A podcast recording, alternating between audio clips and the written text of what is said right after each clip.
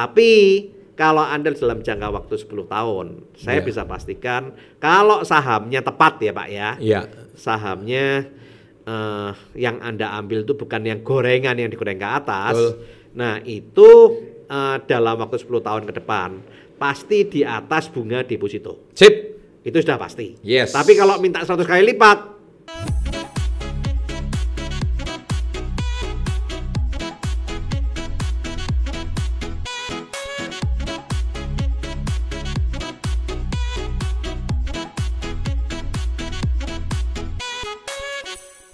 Henry, total kekayaan minimal 10M baru bisa financial freedom tinggal di Jakarta.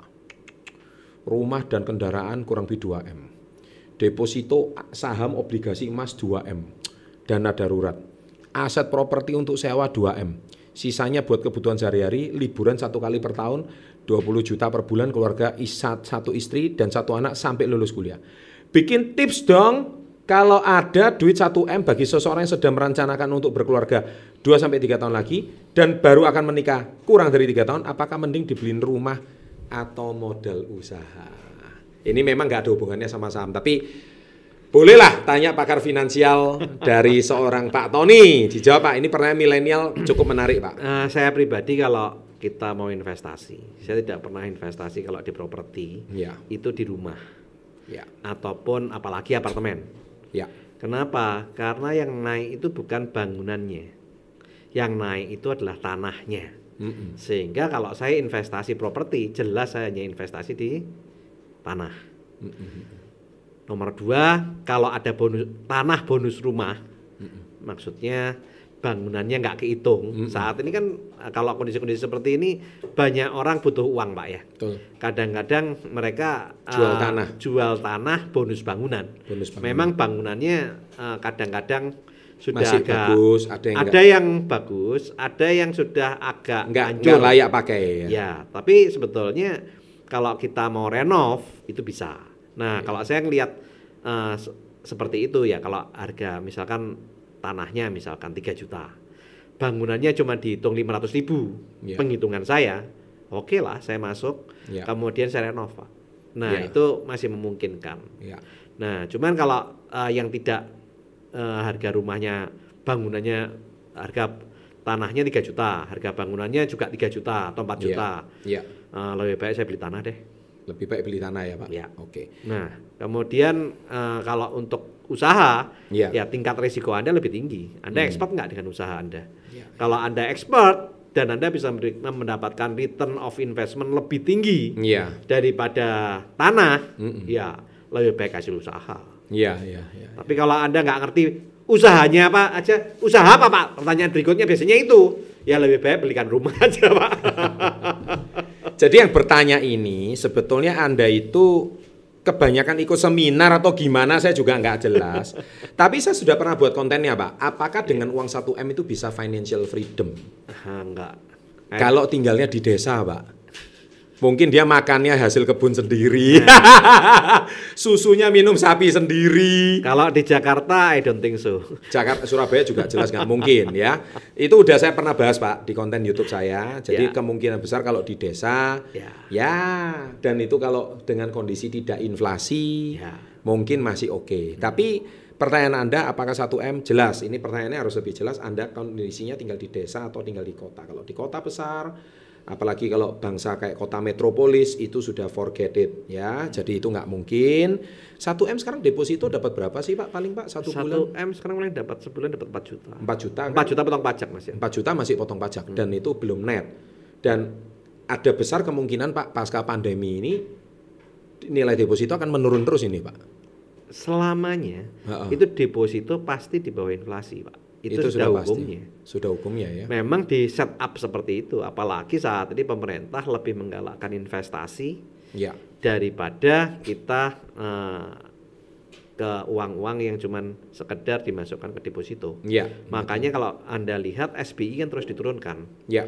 Nah, SBI diturunkan, dampaknya apa? Dampaknya adalah bunga juga akan diturunkan oleh Ya. bank. Betul. Nah, eh, dalam hal ini lebih produktif di investasi. Kenapa? Karena ya imbal hasilnya lebih tinggi. Ya. Nah, dengan eh, pemerintah itu menekan SBI dan Ya. deposito, Maka untuk orang-orang yang mau berbisnis atau berinvestasi itu kan juga mendapatkan bunga yang kecil, Pak. Betul.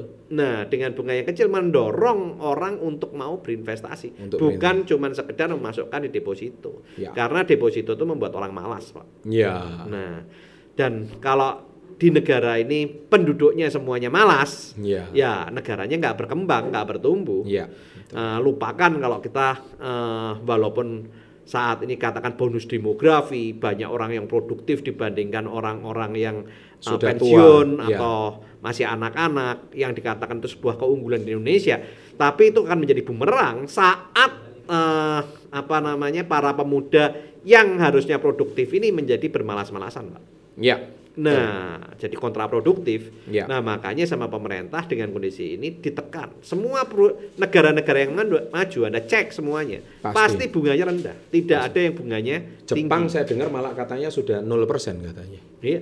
Kalau di Jepang kecenderungannya deflasi, Pak. Deflasi malah. bukan inflasi. Nah, itulah sebabnya guys, oleh sebab itu pertanyaan Anda saya jawab, udah saya jawab di video saya, tolong cari video saya apakah 1M itu bisa bebas finansial dan pertanyaannya menurut saya Anda tadi eh, 10M kalau Anda mungkin bisa bebas finansial sekarang, apa sih definisi bebas finansial? Definisi bebas finansial itu kan kebutuhan hidup kita, gaya hidup kita dibiayai oleh pasif income kita toh, Pak. Iya. Itu namanya bebas finansial. Jadi artinya memungkinkan kita untuk tidak bekerja Saat ini mungkin Anda bisa bebas finansial. Ha-ha. Saat ini. saat ini. Tapi kalau Anda cuma taruh deposito, Iya, ya kita lihat aja 5 10 tahun ke depan. Bisa nggak Anda bisa bebas finansial? sangat tidak memungkinkan. Iya. Apalagi dengan inflasi yang sangat tinggi. Dan saya khawatir, Pak, yang bertanya ini Masih single, Pak. itu eh, bukan duitnya pun 10 miliar bukan duit pribadi, Pak. Ah, Itu warisan dari orang tua. Nah, Nah, itu yang saya khawatirkan eh, orang yang bertanya ini kecenderungannya malas, Pak. Semoga eh, Salah. pemikiran saya salah ya. Iya. Tapi kalau memang betul-betul Anda kepingin malas, come on guys. Ini kalau Anda ingin ingin sukses, ya kalau Anda malas, nggak ada ceritanya Anda akan bisa Sudah telurnya habis, gitu. ayamnya dipotong pula ini, Pak. Iya, saat nanti. Anda sudah berkeluarga, akhirnya anak beda. Anda yang sengsara gitu karena kemalasan Anda. Ya. Itu Anda menjadi menggenapi yang katanya roda berputar. Betul. Sebetulnya menurut saya roda berputar itu eh, nggak sepenuhnya benar gitu. Karena kalau untuk orang-orang tua yang bisa mendidik anaknya pada kenyataannya banyak kok seperti keluarganya Pak Eka Cipta, Iya. keluarganya Pak eh, Sudono Salim. Sudono Salim. Sa- sampai saat ini nggak pernah berputar ke bawah, Pak. Selalu di atas, Pak. Kenapa? Karena mereka Edukasinya- diajarkan edukasi finansial yang baik. Baik. Jelas ya? Oke. Tutorial cerdas. Ini yang bertanya, nama akunnya. Pak Chandra, tolong beri pencerahan saya punya saham dan sudah profit. Rencana tujuan saya sebelum membeli saham, saya punya keinginan jika sudah untung, saya akan jual dan belikan mobil untuk modal usaha. Apakah itu langkah yang benar? Ya. Kadang-kadang memang kita itu bisa men ya yang Ini namanya- modelnya terbatas, Pak. namanya orang investasi pak ya Ya, kadang-kadang kan juga pingin nikmati Pengen ya nikmati. nah saat memang eh, di titik tertentu misalkan anda mau menarik 10% atau 20% Ya, ah. that's okay gitu loh nggak masalah tapi jangan 100% diambil pak Ya. terus berikutnya bagaimana anda merubah dari aset investasi menjadi aset liabilitas pak Iya. dan itu jelas konyol Iya. konyol. Ya. Kenapa? Yang satunya membuat uang naik, yang Ya. satunya membuat uang turun. Iya. Ya akibatnya apa ya? Ke depannya Anda akan kehilangan uang Anda. Betul. Oke.